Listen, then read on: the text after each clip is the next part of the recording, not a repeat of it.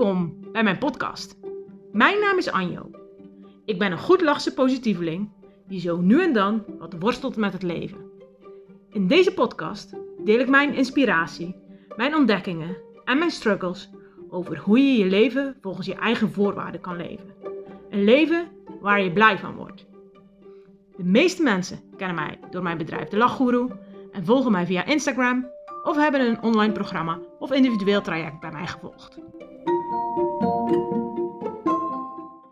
Hey lieve mensen, super tof dat jij nu luistert naar mijn aller, allereerste aflevering van mijn podcast. De podcast die gaat over leven volgens je eigen voorwaarden.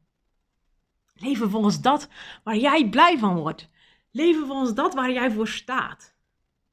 En eerlijk is eerlijk, ik heb geen idee waar ik het nu, vandaag, met jou over ga hebben. Het enige wat ik weet is dat ik met mezelf een afspraak heb gemaakt. De afspraak dat als ik iets wil, dat ik het gewoon moet gaan doen. En niet moet gaan wachten tot het perfecte moment. Ik was er een ster in om mezelf in de wachtkamer te zetten. Als we het hebben over deze podcast, dan had ik gewacht op het moment dat ik de juiste apparatuur zou hebben. Dan zou ik gewacht hebben op het moment dat ik heel vlot kon praten en dat ik niet moest nadenken en geen e zou zeggen. En dan zou ik vooral ook wachten op het moment dat ik zeker wist dat het goed genoeg zou zijn. Dat als jij nu luistert, dat je zou zeggen: Oh ja, fantastisch, leuk Anjo, hier heb ik iets aan. Ik zou daar op wachten, omdat ik niet zou weten of jij het goed genoeg zou vinden. En dat zou er echt voor zorgen dat er steeds zoiets in me blijft knagen. Ja, ik wil een podcast maken, ik wil een podcast maken. Ja, maar ja, ik heb uh, nog niet een goede apparatuur. Ik, heb, uh, ik kan nog niet goed genoeg vlot praten. En oh ja, wat zal iemand daar wel niet van vinden? Uh, weet je, ik kan er dagen mee vullen met deze twijfels in mijn hoofd. Maar dat is niet meer de voorwaarde waar ik volgens wil leven. Ik wil het leven beleven. Ik wil niet meer wachten. Ik wil niet meer in die wachtkamer zitten. Ik wil het leven meemaken. En daarvoor heb ik ja, verschillende afspraken met mezelf gemaakt. een van die afspraken is dus: weet je, ga het gewoon lekker doen. Ga het ontdekken. Zie het leven als een soort spelletje. Zie het leven als een ontdekkingsreis. Net als kinderen, als die spelen, dan gaan ze ook niet bedenken, wat gaan we doen? Nee, als spelend komen ze tot iets. En afgelopen twee jaar heb ik wel ontdekt dat we dat veel meer mogen doen. Dat spelen. Dat we niet al een resultaat in ons hoofd moeten hebben, maar dat we gewoon mogen beginnen. En ook wel zien waar het uiteindelijk uh, toe zal leiden. Dus deze podcast is voor mij zowel een experiment waarin ik jullie ook gewoon meeneem, maar ook een manier om met jou te delen hoe ik zelf mijn leven probeer in te richten volgens mijn eigen voorwaarden. En nee, het is echt nog niet dat ik dat 100% helemaal goed doe. Absoluut niet, want ja, terwijl ik dit zeg, denk ik ook, ja, bestaat dat eigenlijk? Dat je het 100% goed doet. Wie bepaalt dat? Ik heb geen idee, maar dat is juist ook waarom ik deze podcast wil maken. Omdat het leven volgens je eigen voorwaarden soms zo'n enorme struggle kan zijn. Het kan zo'n gevecht in jezelf zijn. Het kan een gevecht met je, um, met je externe omgeving zijn. En alleen dat al is een reden dat ik deze podcast wil maken. Omdat ik wil dat jij je niet eenzaam hoeft te voelen. Dat jij niet het gevoel hebt, ja, maar ben ik nou gek? Oh ja, het zal wel aan mij liggen. Nee, want er is niks moeilijkers om af te stappen van de voorwaarden waarmee jij hebt geleerd te leven. En om daar afscheid van te nemen en je leven zo in te richten volgens je eigen voorwaarden. Wat ik nu zeg klinkt misschien een beetje vaag, maar wat ik, um, wat ik bedoel zal, zal ik uitleggen aan de hand van mijn eigen voorbeeld.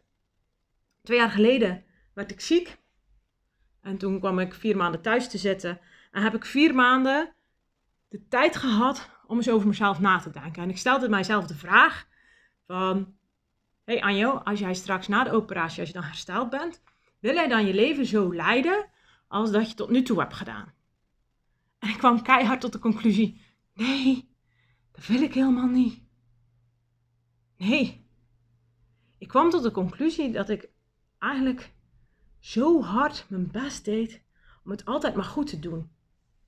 Dat ik zowel richting mijn familie als op mijn werk als richting mijn vrienden zo knetterhard mijn best deed om aan hun verwachtingen te voldoen.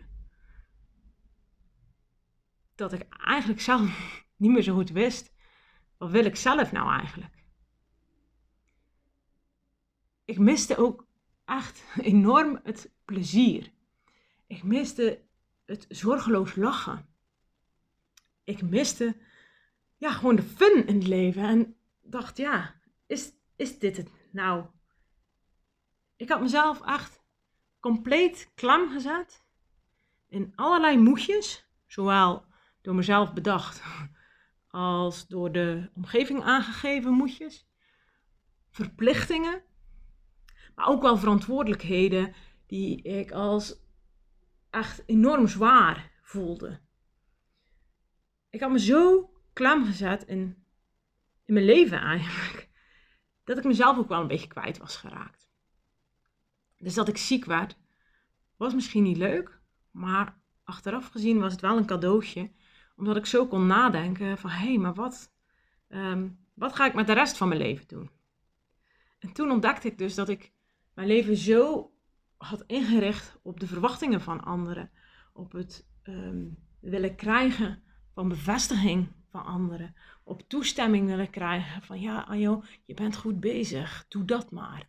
Ehm, en op het moment dat ik me dat eigenlijk besefte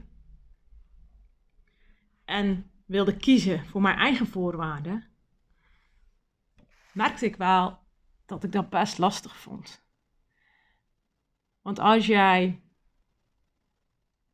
ja, net iets anders denkt of bent, of als jij andere behoeftes hebt dan jouw omgeving, dan je familie of in je werk, dan kan het zo moeilijk zijn om daarvoor op te staan.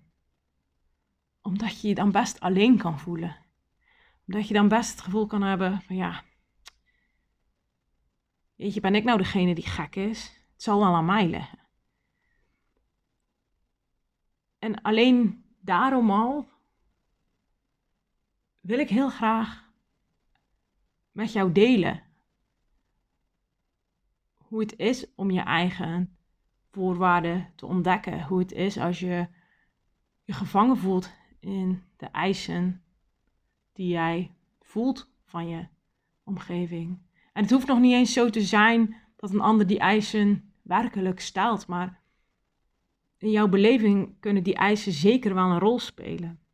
Zodat je uit zekerheid bijvoorbeeld maar bij een bepaalde baan blijft, ook al ben je daar niet gelukkig. Dat je van huis uit hebt meegekregen, kies voor die veiligheid. Een vaste baan, dan ben je safe. Maar wat als jij zelf het gevoel hebt van nee, weet je, dit is niet wat bij mij past.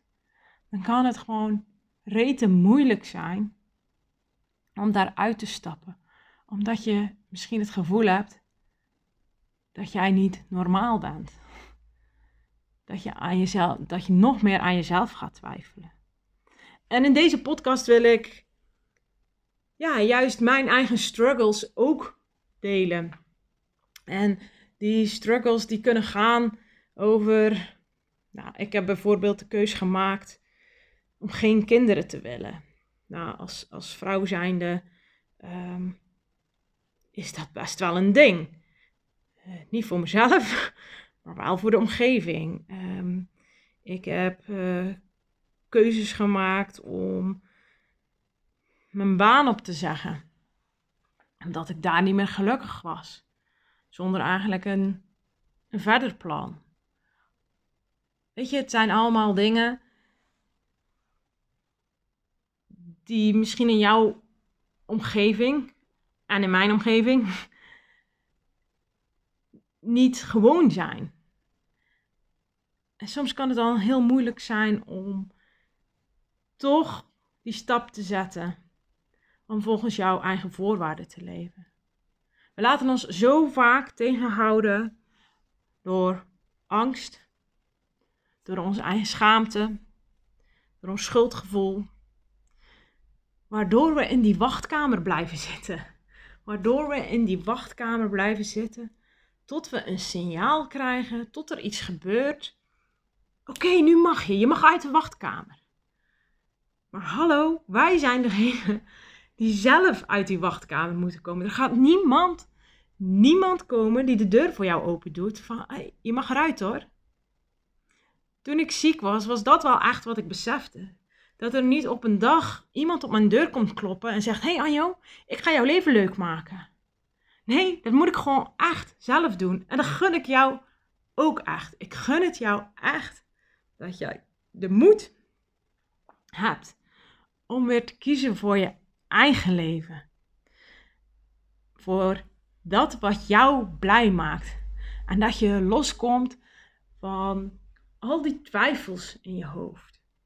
Het is helemaal niet erg als je twijfelt. Want ik denk dat ik vroeger wel de twijfelkoningin kon noemen. En ik kan het nog heel goed.